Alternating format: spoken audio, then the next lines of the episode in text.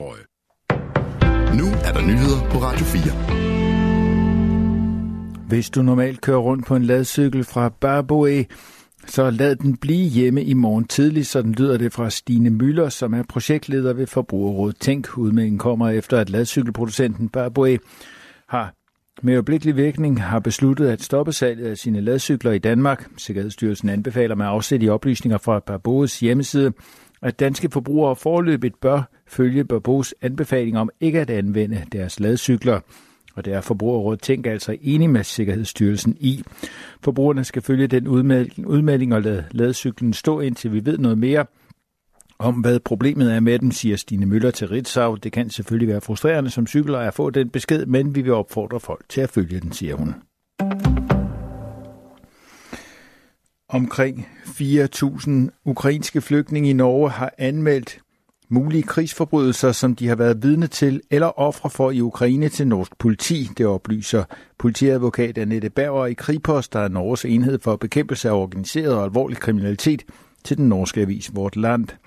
Indtil videre har Kripos været i kontakt med ca. 800 af dem og afhørt knap 400 personer, siger hun.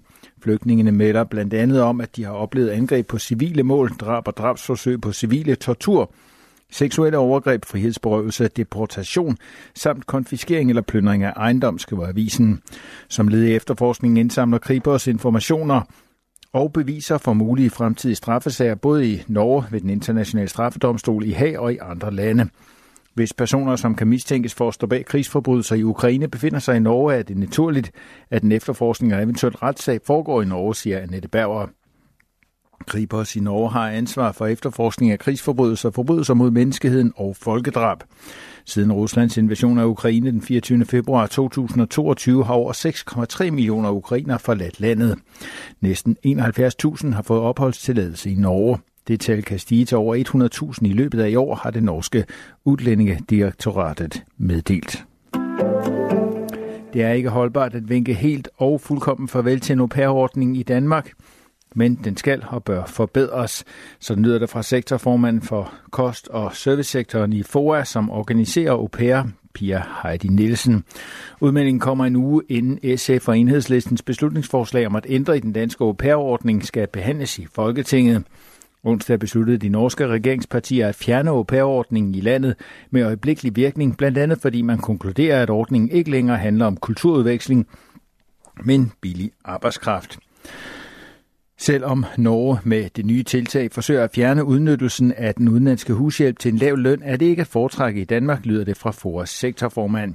Den vej skal vi ikke gå i Danmark. Tværtimod skal vi se på den ordning, der er, og forbedre den ved at have øje for beskyttelse og løn, siger hun. Hun understreger, at det arbejde, som au pair yder i Danmark, efterspørger, så der vil være nogen, der tager det arbejde, om der er en ordning eller ej. Hvis der ikke er ordentlige rammer omkring det arbejde, så vil dem, der tager arbejde, være fuldstændig uden beskyttelse, og det er ikke holdbart, siger Pia Heidi Nielsen.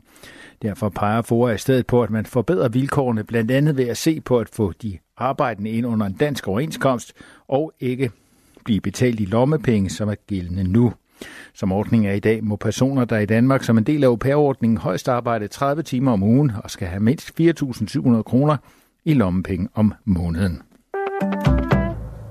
Houthi-bevægelsen i Yemen har foretaget et missilangreb mod et græskaret skib i Adenbugten. Det meddeler gruppen, som dog i første omgang har betegnet skibet Lyca Vitos som britisk. Fragtskibet er ejet af shippingselskabet Helikon, der har kontorer i London, Athen og i den kinesiske by Dalian.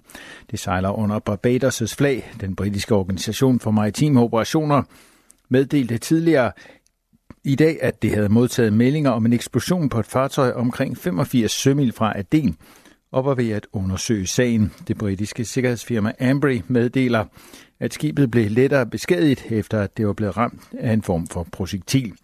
Besætningsmedlemmerne er uskatte, meddeler Ambry. Siden krigen i Gazastriben brød ud i oktober sidste år, har Houthierne i stigende grad truet de skibe, der passerer Yemen. I aften og nat skyde diset stedvis tåget og regnhister her, men ud på natten kan det klare lidt op sydfra. Temperaturer mellem 5 og 10 grader.